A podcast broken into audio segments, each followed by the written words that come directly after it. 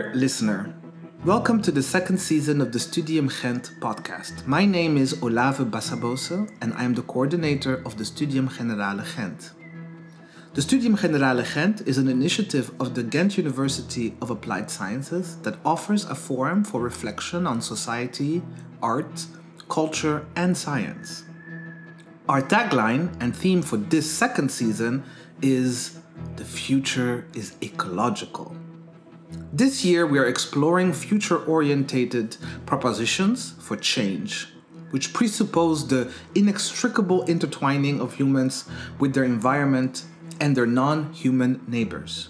Humans as part and not master and lord of ecological systems.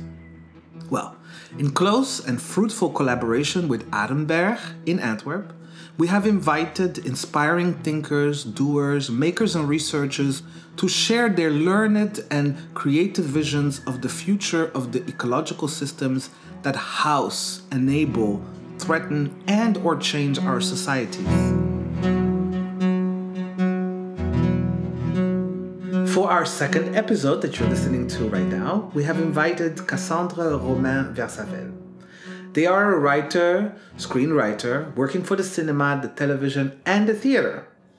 Today, they are talking to us about their project Étincelles, Sparkles, co-written with Marianne, Marianne Espasa, Espasa, and Espasa, and currently in production. A movie whose story involves a sort of societal collapse in the form of a large-scale blackout and a desirable, sober future. Welcome, Cassandra Romain. We are so happy to have you here with us. Thank you, and thank you for inviting me. Yeah, how are you feeling here this afternoon on Saturday in Antwerp? How how are you? How Fine. are you here with us? I'm happy to be here with you and to have the opportunity to talk about future and ecology and desirable things for us to come. Mm. I am I am really like we talked a little bit earlier in the backstage about this how I'm always very impressed by people who take their time in the weekend to come and work with us. Uh, so again, extra thank you. We appreciate that. So talk to us about Étincelles. What is this thing you're doing? Why did you do this? Where did you what are, like talk to us. Sparkles, Étincelles, what is it and why are you doing it? okay. So feel free to interrupt me if I'm taking too long because I can go on for hours. Uh, it's a project that I, I, have spent most of my time with in the last two or three years. Mm-hmm.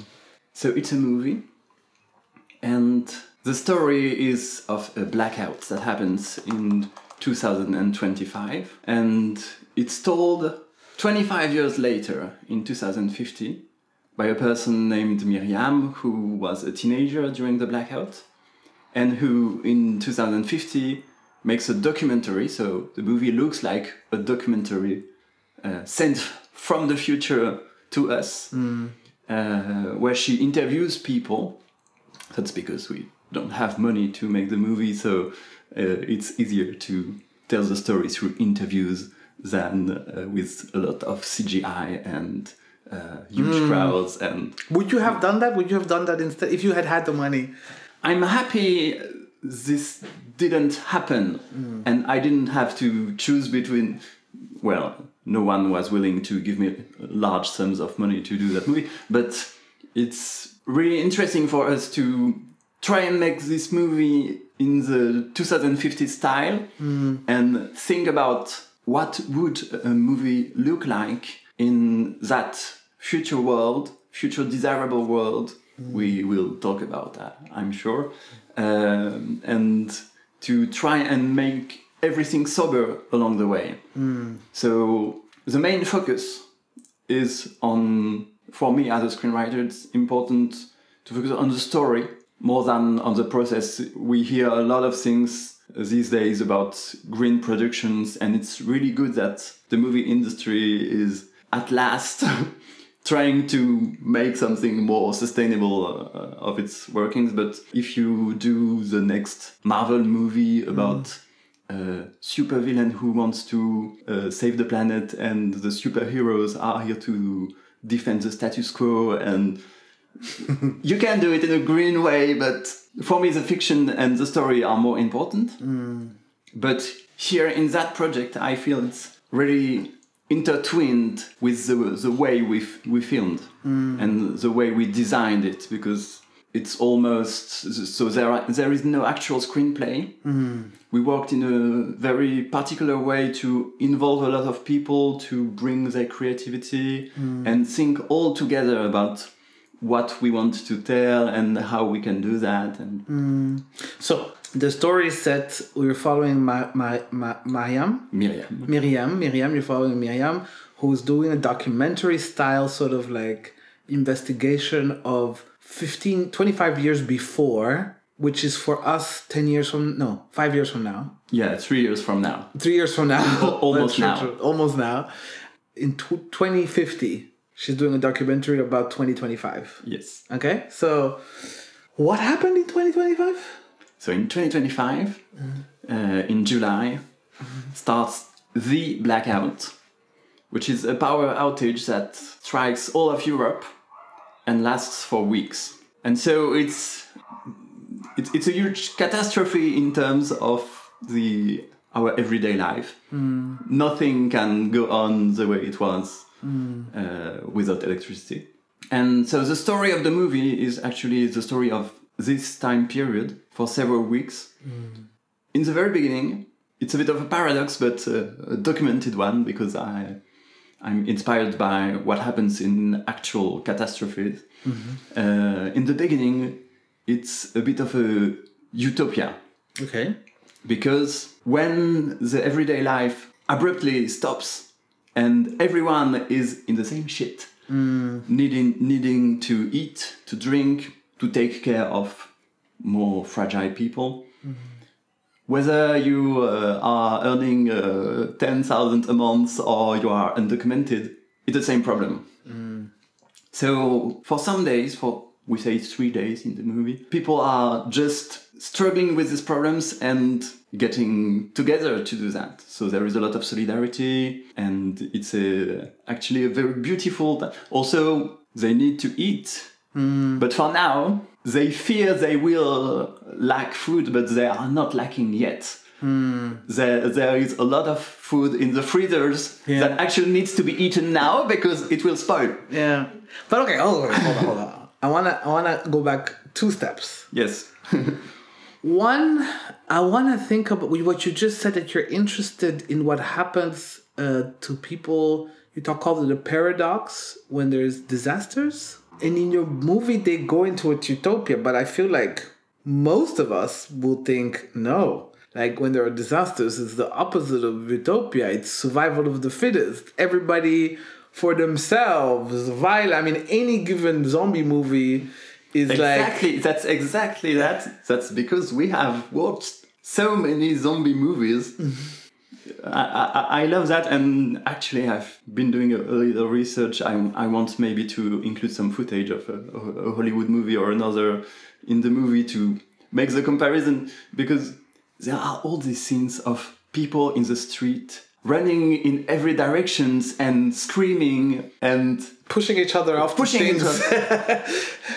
and that's not what happens uh, in disaster situations especially when the um, sociologists of disasters don't use the word panic or the concept of panic. They say it, it's only something that's relevant uh, in situations where there is a, a short space and people have to go out and that's that's a panic situation and people can get hurt. Yeah. but after uh, an earthquake, for instance, when the earthquake is over and buildings are broken and people don't run in the streets, take one minute to imagine yourself in this situation. What would you do? You would look for relatives, you would uh, maybe go to your house if you weren't there, but you wouldn't go in the street and scream and run somewhere because. and push people off of things and try to steal things from others. That's I think most of us have that image, right? Of like disasters bring out the worst out of us. And earlier I told you uh, about uh, a book that's very important for me and that was in, in, in the making of this movie. That's uh, A Paradise Built in Hell by Rebecca Solnit. It's, it's, about disasters and it's uh, the, the undertitle is The Extraordinary Communities That Arise in Disaster. And for instance, Rebecca Solnit talks about 9-11 and how people in Manhattan lived this situation so differently from all the rest of the world. Mm. And for some days, we're only focused on saving people and uh, making people who wanted to go out go out, and with boats in the streets, making the streets clear. Uh, and trying to find survivors in the in the in the rubble. In the rubble, exactly. Yeah. And that was their focused and they focus and their, their problems, the actual concrete problems. And then they switched on the news and saw the war on terror, and they had nothing to do with that, and they were shocked. And especially since they had lived very deep human moments, and they felt close to the people they had saved or they had seen die or mm. and they were nothing but interested in raging war and so that i read that and it's very powerful to read and it's one of the key elements uh, in the working process i was thinking something like okay i want to adapt this book mm. it's a non-fiction book but uh, I want to make a fiction out of it. Yeah. I want to use it for a fiction and tell the story of how people are not the selfish. People are selfish in a context that makes them so. And actually, the everyday society we live in makes us a lot more selfish than a disaster would. Wow. That's a very powerful thing to say and to and to try to create stories because I think stories are kind of a manifestation. It's a sort of um, is a way to build reality. It's a reality of itself, right? And what I'm struck by is you're talking about sort of like what what we do in disasters, what uh, sociologists of soci- sociologists of disaster find, and what we think the stories we've been told about what happens when we're in disasters and and you're saying basically it's society that teaches us to be bigoted uh, self-interested i don't know racist sexist classist all these things that keep us in a state of uh, of, uh, of profound human disconnection. And so the disaster becomes almost a site of um, of opportunity a catalyst I think it's very interesting that you would say that because one of the the only sociologists of, of uh, disasters that I have ever read before you told me about a paradise is built in hell is Naomi Klein, Naomi Klein, who wrote about the shock doctrine and who posits and who really documents really well how a neoliberal sort of uh, politics have used disasters to really concentrate wealth, concentrate power throughout our modern history. So I don't know. I'm conflicted. what is happening? How do I put this? Are the is Naomi Klein lying to us, or what do you think? How do you see the Rebecca Solnit versus Naomi Klein? oh, it's actually very coherent since Rebecca Solnit shows how there is this surge of solidarity in the direct aftermath, and uh, how also the rest of the world, the part that's not struck directly by the, the disaster, uh, for instance, uh, there is a, an earthquake in a city, but the capital city where all the power is reacts differently, and and also later how uh, the this solidarity, these, extraordinary communities that arise in disaster also vanish when they uh, are confronted with the rest of the real okay. world. And in the movie, I chose this blackout for obviously many reasons. Uh, one is that it's a disaster, but that doesn't kill many people on the first hand. It fits more in the story I wanted to say and to tell, and also it's large enough to actually weaken the power in place. So if I imagine the government without electricity and without means of communicating, and not the government, the governments of all of Europe for weeks I feel like there would be room for a larger story to write. So mm. that's why I like the blackout. And also because it's the story is of course very uh, it's about ecology. It's about what society we can build in the nature, the world we actually live in, mm. without pretending we are not in nature and we can do everything we want with oil forever. And so electricity is very linked to our technology and capitalism and so all these things vanish in a moment. Mm. And it's it's interesting to represent our society but without electricity. Yeah. what do we do? What do we do? Yeah, yeah, yeah. Talking about this choice for blackout, when I first heard about uh, it was a f- mutual friend who was here in Belgium to be it was one of the actors and she was telling me about this project and and she said blackout and uh, and I was like immediately like, I have to meet this screenwriter like I need to need to meet this person who wrote this because like the associations I had was um, growing up in Burundi then moving to the Netherlands and then going back to Burundi to live there and being confronted with the daily reality of life in Burundi, which is the blackouts are quite normal.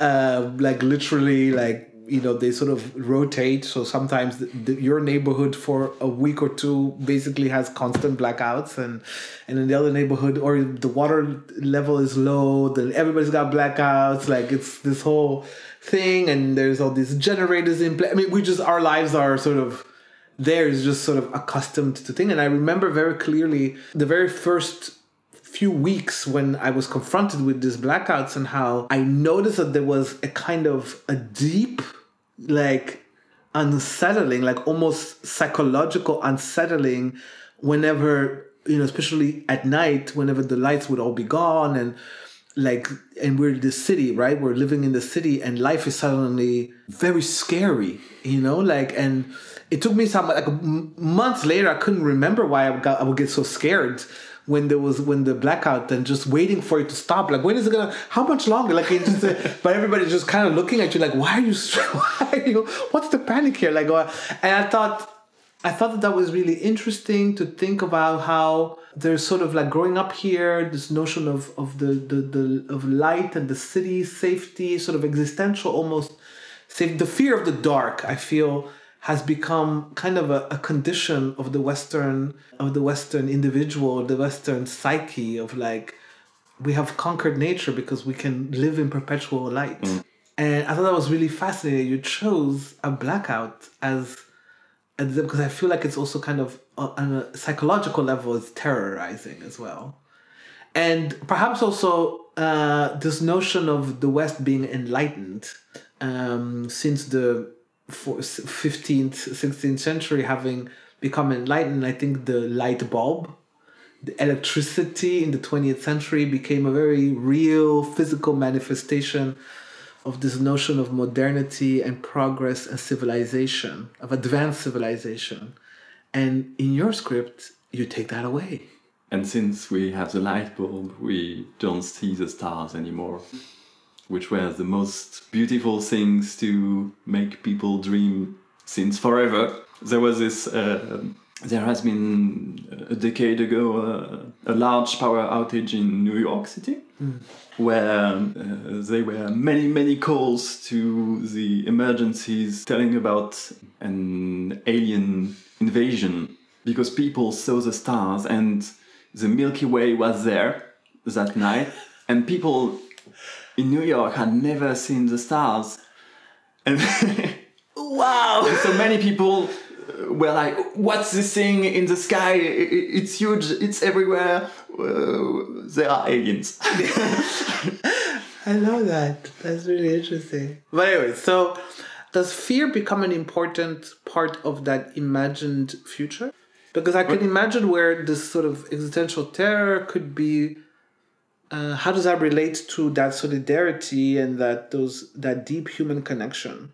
Well, or they're not relevant. They don't. Just I wanted to say because you uh, told about your your experience uh, about Western and non-Western blackouts, and that's something very interesting and important that we uh, we confront very different perspectives with mm -hmm. different characters from different backgrounds and that's something that I really also like about that. It's it's very uh, it's a Western fear.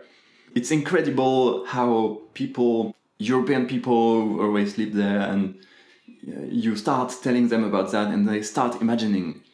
And my actors and actresses, I explain them the movie beforehand, and they have a lot of time to think about it, to imagine themselves in this world. And many have told me how, while eating or going to bed, or they were realizing, oh my god, I cannot do my coffee. Oh, uh, to wake up, I need my phone and I need it to be charged. And also, people with similar experiences to yours saying, no, electricity is not a, something inevitable and we can live without it. Mm. And so, to answer about the fear, I think there is a sort of uh, emotional trajectory for most characters, starting with a lot of fear and then actually experiencing what it is, so this blackout. And the fear moves from the actual the fear of uh, being hungry and moves to uh, there is a, the, the, the, the main tension in this period is because of the governments who try to keep their power, stay mm. the governing ones, and they try to do the shock theory. And so they are uh, looking for fear in people. And so at the start, people are afraid of uh, the dark. Then they realize it's not really the, the huge problem in the room, it's uh, that uh, they have the governments are trying to deprive them from, from their freedom and it's a bit schematic told that way. First, people are afraid. So you, the writer, but also the actors, kind of thought through. Uh, this is how I imagined this. I think this is what you how you explained it to me before. You kind of set up a scenario. This is what would happen in the future. Th- this has happened in the future, and your character went through all that and is now talking about it in the past, in the future about the past, right? So. Yeah uh, first people were afraid some of them not everybody were afraid of the of the of just like how are we gonna survive? Then you're saying the tension at some point shifted towards basically the relationship with the government's need to control and to maintain power and people's needs to basically keep on working together to solve the issues that they're dealing with is that it? Yeah. So the intervention of the government as like okay I guess I don't know. What would the government start intervening in? What did the government in your story start intervening in? So, for instance, people work the problems out themselves at 1st mm-hmm. finding ways in a, in a, of course, chaotic way, but finding ways to uh, uh, reach to the country, to provide food. And, and at some point, the government comes. So, we are telling the story, so we are imagining this is in Brussels and maybe it's different in other parts of Europe. Mm. Uh, the, the story we are telling here is that at some point the government comes and says, okay, we, we take care of this. Now it's uh, our uh, responsibility, and there is a rationing. Mm. And actually, we seize everything you have uh, done so far, and uh, we are in charge. It was a, a lot of sort of experiments, but to imagine realistic or credible uh, government measures in in these situations. And and also later uh, how do you say that in english? There is a, a, a conscriptions. Uh, so they are struggling with uh, getting the power back on and uh, also in the in the country the agricultural world would suffer very much from yeah the power outage. Very and much. So, a lot of it is automated. Uh, so suddenly we need hands. We need people to work the land. Yeah. And it it would be horrible. For instance, with cattle, yeah. uh, you just would have to kill many herds because you cannot handle yeah. them with. it. And so the especially the underground, the underground uh, farms, pig pig farms as well. Mm. They would also a lot of them are very automated. Wow. Okay. so the government need, needs people. In, in, in the movie, they look for the ones that owe society. So people working in the administ- administration, people who uh, are the CPS, so who benefit from uh, government aids, uh, students. All these people, there are lists, and so they say, okay, whose hands can we use? And so that's also something I would really imagine. I receive aid, aid from the CPAS, and I definitely, Would end up working.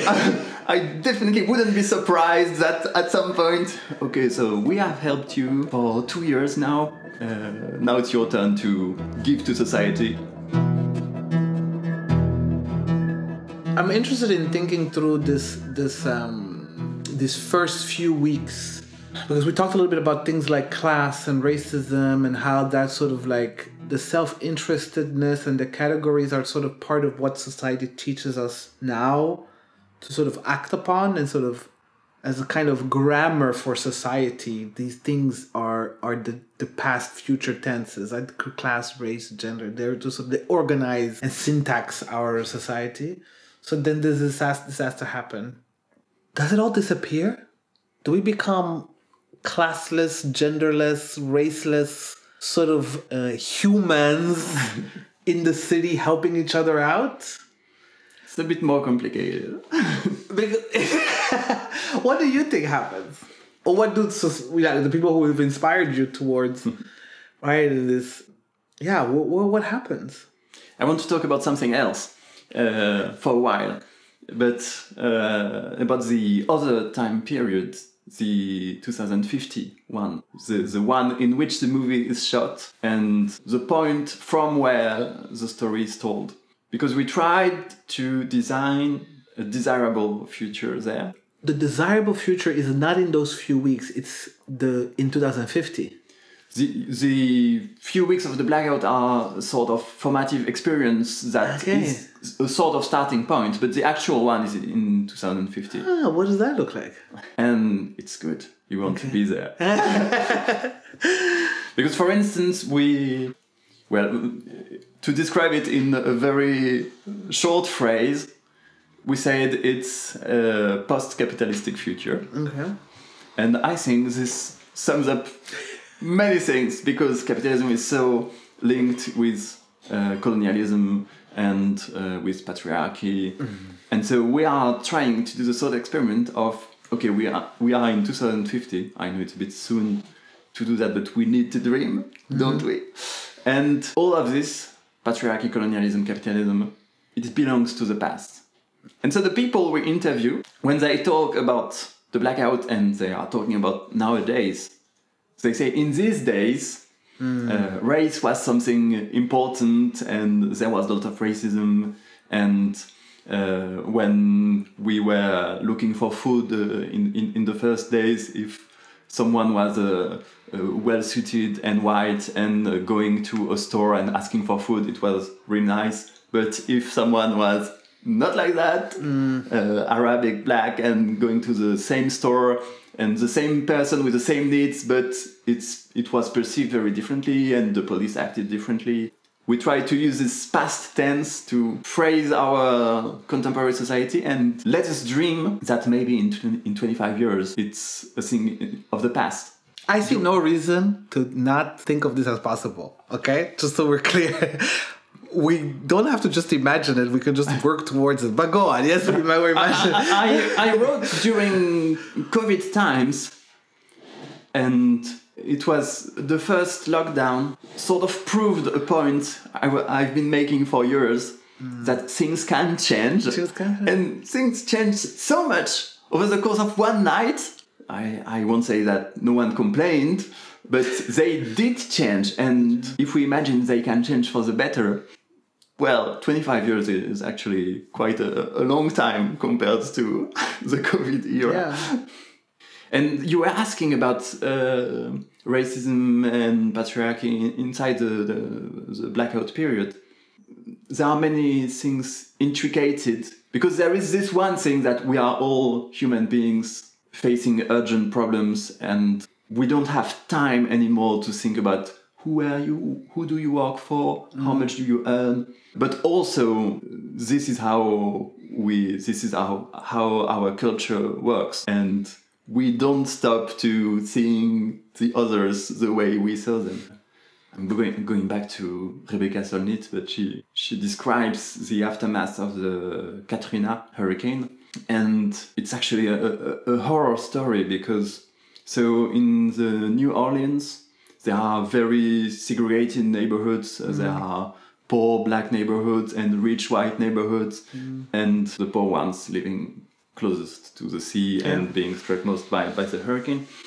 And actually, she explains that uh, both the governmental measures to help people, or actually not really help them, and just locally, how white people whose houses were safe. Were very afraid of uh, the others, the homeless people needing shelter, but uh, who maybe were about to invade them and would kill them to get their food. And so they they stayed inside with their guns and and there were many people killed days after the hurricane. There were no more winds but they were killed by this terrible fear of the other and Yeah. racist society and so we try to embrace that complexity and since the start of this podcast, I'm describing things a bit like it's history and as if everyone reacted the same way. There is one direction and one overall story we want to tell. But in the movie, we tried not to be as teachers telling, okay, this is how it happens. And then that's the, the normal thing that happens. And we, we know it. and so we tried to have testimonies from different characters who are living the situation from different point of views. And uh, for instance, when we talk about uh, racism, there is a, a character that is undocumented and who describes that for indeed the first days, everything is suddenly fine because she is not seen anymore as someone whose situation is uh, exceptional. Everyone needs food now, and and actually people are giving the, the excessive food they have. And a week later, the government has set up the rationing, and you know governments they don't want people to cheat, and they can put a lot of effort into making sure people don't cheat. And even if they don't have computers, they try and make lists of who gets their rations and Because it's right, right, racial. Yeah. and and to know who takes their rations, they need documents. What about the undocumented people? I'm I think it's not excessive to think that in this crisis situation, the, the government wouldn't uh, take the time to make something specific for the situation of undocumented people so they are they are just forgotten and for her it becomes even worse than before she legally doesn't have the right to eat I love science fiction. I've been uh, uh, reading and watching science fiction for as long as I can remember. And one of the things that a much later age when I started reading about analysis of uh, science fiction literature and is I d- discovered that there are certain sort of tropes that we use in science fiction to kind of um, sort of mm, shorthands, you know, sort of ways it's vocabulary. It's sort of a, a, a vocabulary to kind of explain certain things. For example, zombies, generally speaking, in literary analysis, are basically consumer bourgeois culture. How Starbucks kind of like gets into you, eats your brain up, and then you become this like vanilla, like tote bag carrying vanilla cocoa mo- mocha whatever da da da like this sort of like the zombie represents in a lot of science fiction and speculative fiction represents this sort of hardcore bourgeois consumerist normalcy and which you know exceptional individuals are trying to you know not get not get infected by right? And for example robots is often themed as a kind of a way for mostly western culture western thinkers to kind of digest and process the history of slavery which is why we see also often this uh, notion of robots that become sentient and become sort of like that refuse to be of service and uh, robot and insurrections yeah robot insurrections ai all of that sort of fits into this sort of like a way for creative Western creative minds to deal with that history, to digest it, to talk about it in a way. And the few, the dystopian future is complex uh, as a tool as a methodology uh, for because I think from what I've read and seen, there's a number of ways in which one can analyze the dystopian future. Like a lot of it has to, I think most of what I've sort of seen happen is people talk about basically you take something we're doing now and put it under a magnifying glass, make it big, and then say this is where this is going to lead us. So we need to be very careful right? As a way to basically problematize something of that we're doing today. Uh, Uh, so Black Mirror is a really great example of that. So they will take, for example, social media, and then you will see you have this whole episode where you see where you know like how many likes you have determines I don't know whether you can have a bank loan or something. You know, like we take that the likes on the take that to the next level, and then we see this is the this is the dystopia that's gonna come from it. I'm kind of curious here whether you have anything that you would say like I really wanted to take a good look at it and sort of think through you know if this thing happens or you know like if it's taken to its most logical extreme this is where we're gonna I do you, did you create a dystopian or you is it a, is it a dystopia that we're talking about? Or you, also because the utopian genre is really tricky because utopian genre is oftentimes a dystopia that is in disguise often. Yeah oftentimes very often. very like 99% is basically you're watching something and then the sound looks really great and at the end you discover actually they're super oppressed you know? So it's always a dystopia really. But what are you doing? Is this a dystopia? And what are you then trying to figure out if it is a dystopia?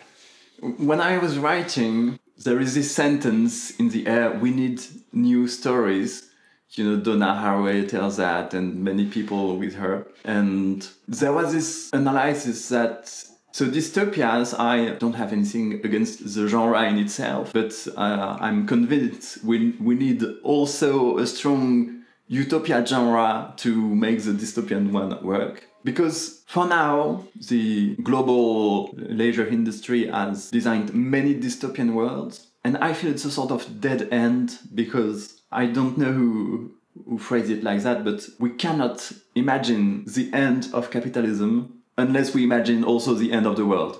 And we, we need to be capable of imagining the, the wrong ways so society could go to, but also the good ways and what we could strive for. Uh, so I wanted really to try and make something utopian, but it's very difficult because also you know the the word utopia has a, a, bad ring to it because it also means something a bit naive and mm. oh it's a utopia yes uh, it's and the, the, the, word the word itself uh, means a place that is not mm. utopia and so i wanted to avoid that and i'm afraid i'm still using the word even though every, every time i use it i say but i don't really like the word utopia but okay but that's why that, that's why I like the phrase desirable future. Mm. And it's something we, we tried to design it with these intentions.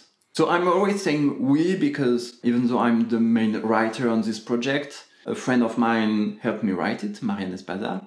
And also the whole team has some artistic participation.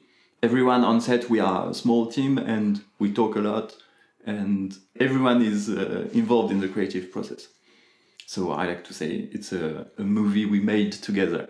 So we, we, we, wanted the world of 2050 to be realistic, for instance, in terms of climate change, because we cannot do anything against that. In 2050, the summers will be a lot warmer here, so they are in the movie. And in 2050, we won't be able whatever happens to uh, use energy the way we do it now. Uh, Whether we even stop.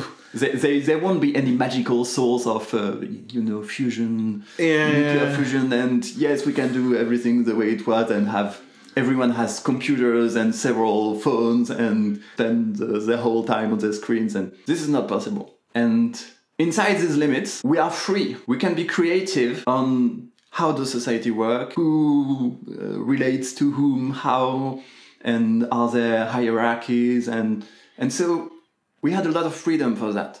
And so we are trying to imagine the, the, the utopia perspective is to consider ourselves free to design that world inside those limits. And in the movie, we don't describe that world of 2050 because people are living there and They don't need to describe They it. don't They're need to doing describe it. it. They're doing a documentary. yeah.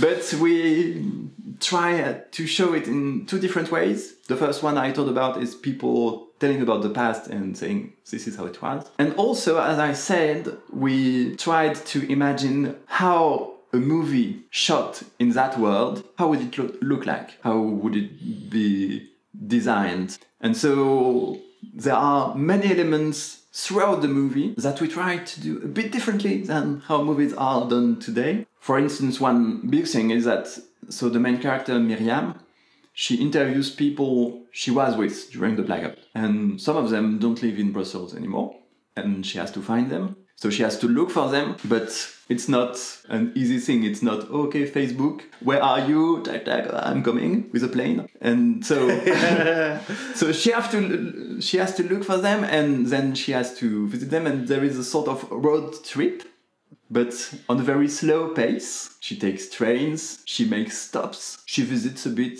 She's hosted in cities where she doesn't live, but she takes her part in the community work there for the time she's, she spends there. And all these details we show create a sort of impression of uh, what this world look li- looks like. We also use a lot of, uh, of course, the, the visual aspects because during the interviews it's very uh, it's just one shot of one person sitting Yeah. and talking. But we try to make uh, an interesting environment. For instance we shot in gardens uh, in Okay. horticultural gardens in Molenbeek where there is this nature all over but also buildings behind. And so you're saying where are we? Are we in the city?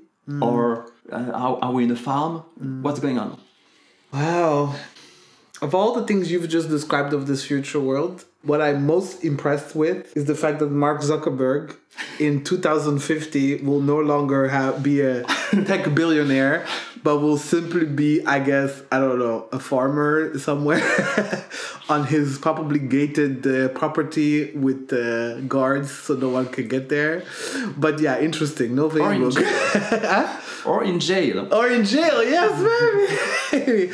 he probably is the reason why there was the blackout, no? I feel like part of what we're trying to do with this theme this coming year, you're the second person we're talking to. Um, part of the thing that we're trying to sort of investigate is whether, I guess, hope or optimism is something that is a has any functionality, has any purpose, has any sense really when looking at this future that I think in some ways is unknowable, but in other ways is perhaps very noble in where we're heading, mostly because of where we are at already, right? So when we're talking about climate change and the climate crisis, and we're talking about biodiversity, like we're talking about in the future, we're talking about degrees of destruction because right now we're already in a state of destruction. There's many We are. many species that have gone extinct already right there is many places around the world that have become so extremely polluted unlivable the crisis is happening right now so I think that there has been this notion of the future as a place to sort of sometimes push things further away that are already happening right now. And I'm kind of curious whether how you position, how you use this very apparent optimism you have for the future. What is it informed by? What is it inspired? by? Like, how do we, uh, in this crisis we're in right now, how do we make use of uh, of um, how do we become extraordinary communities? Really, is that a fair question to ask you? It's a hard one. It's a tough Is one. it a fair? You can also be like, that's completely unfair. I did not cause these problems. Okay, so stop it. I'm just I wrote about the future. Leave me alone about the present. That's also very fair. You could do that, but No, but indeed, it was not a, an easy path. Also, because, like I said about dystopias, they are so everywhere in our imagination that the process of just creating that future, even though we don't have to go into much detail because it just hints and how we show it, it was so hard. Mm-hmm.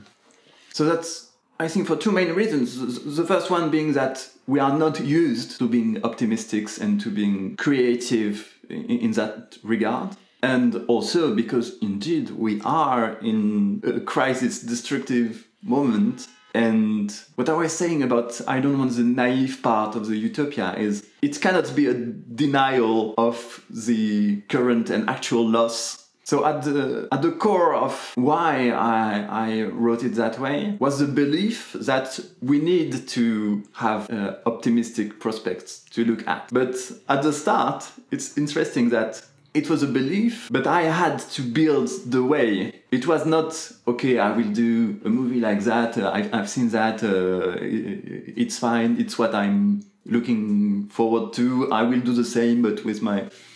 It felt like I had to create everything from scratch. Not everything, of course, and there were many inspirational, well, no, books and movies, but hard to find ones that paved the way and everyone i found one that was oriented in this direction it was such a relief to and it helped me a lot because again sometimes you are just in front of your uh, writing table you want to write something about that desirable future mm. and say okay it's desirable okay i wrote down the word desirable what do I desire? what the fuck do I desire?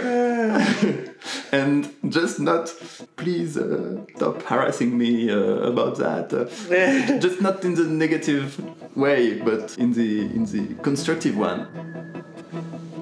If I may paraphrase, my takeaway from this conversation and from what I've uh, talked to you in the past about, like leading up to this conversation, is that I think perhaps to be in this moment of crisis, real crisis we're in, to perhaps be to look for the best in myself and those around me, to kind of, and the best meaning like the ways in which direct solidarity, direct sort of cooperation and entanglement really with uh, the people, the communities, and the beings around me right now that that makes sense to get invested in those right now uh, because we are in a crisis after all to kind of try to be part of an extraordinary community right now.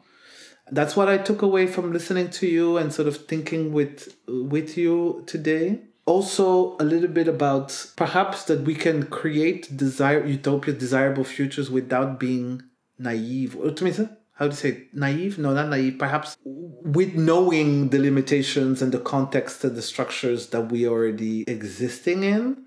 And so like but we can be creative. You talked about freedom. Freedom to you know really kind of like design or build a life together that we kind of like or something huh? and i'm very inspired by that actually. I'm grateful for you having brought that. Do you know about donna haraway's Chthulucene no. I mean, Cthulhu is, Cthulhu is like a demon, no? In the world of Lovecraft. Yes, but in Haraway's there is an extra H or one less. It's, okay. the, the, it's the same root, but she despises Lovecraft. yeah, problematic but, man. Very racist. Yes, but okay. that, exactly. and I, I think she forged the term, and afterwards learned about Lovecraft's Cthulhu ah. and said, no, I don't have anything to do with it. but it's, it's the same root. It's indeed something I think monstrous. So you know there are all these debates about Anthropocene, Capitalocene. Donna Haraway suggests that we should move on to Chthulucene because she says when we say uh, indeed Capitalocene is better than uh, Anthropocene because the guilty one is capitalism, mm. but as long as we phrase it uh, like that, we are stuck inside it, inside capitalism. Mm. And so she suggests this new word with Harawayan uh, explanations of it that I understand part of it. Harrowing, because difficult to understand. Yes. but there are glimpses that are very that I relate to. And so she suggests capi- uh, Chthulucene instead of Capitalocene, and in her definition, it has a lot to do with the stories we tell, indeed. And she also links Capitalocene with stories of the capitalism era. I think it's really something to to look forward to Chthulucene. I could sum up what I'm trying to do as I am uh, trying to endorse the responsibility that we storytellers have to try and uh, make this concept concrete through stories. And I think we'd need uh, uh, scholars uh, knowing uh, Haraway and being able of analyzing every word she writes. But uh, I think the way you you summed up uh, our conversation, it just made me think about Cthulhu Okay. so uh, is the movie done? No, you're still in production. I'm still in production. And we filmed for two weeks and we have Yeah. one week left. you still have a week to to to film. Yes, in April. Are any of the listeners right now because I know you started this off as a crowdfunding, right? If any of the listeners are like able to help in some way, is there still need for support for this process or you're like, no, we're good. We're good to go like in um, March 2024 be ready at the movie theaters to watch this amazing movie or is there like a call for support still necessary at this point? Well, I'm still looking for a bit of money, but more on the institutional side now that the project is, has become a, a bit larger. But we have a website, and actually the and, and that's something important more than funding it with money. But we are also doing it so that it reaches people, and so if people are interested, just the fact that they are aware it exists and maybe watch it one day Okay. that's that's why we are doing it. So do I try and spell it out loud? Yes, now? please. What's the website? I was like, So it's in French. It's www.etincelleslefilm.com. Uh, E N T I N C E L L E S L E F I L M dot com. I love how we invite people who can spell to our podcast. I'm very impressed. Did it happen in the first episode too? No, but now I'm gonna make everybody spell things. I'm gonna be like, uh, just to get us started, can you spell? yeah, because halfway I lost you. I was like, huh? Étincelle, E T I N C E L L E S. Yes, it's a plural. Le film, L E F I L M. point com. Dot com. I hope people go there and check out the movie as soon as it's out, or if there are some institutions here who wanna, who are listening and who are like, hmm, that's a good movie we wanna support, please do Want to distribute it? distribute it. Yeah. help us for the post production. Cassandra, thank you so much for this conversation. I am uh, extremely. This is a good way to spend my Saturday, and I am grateful it for was really it. nice talking with you. Yeah, thank you.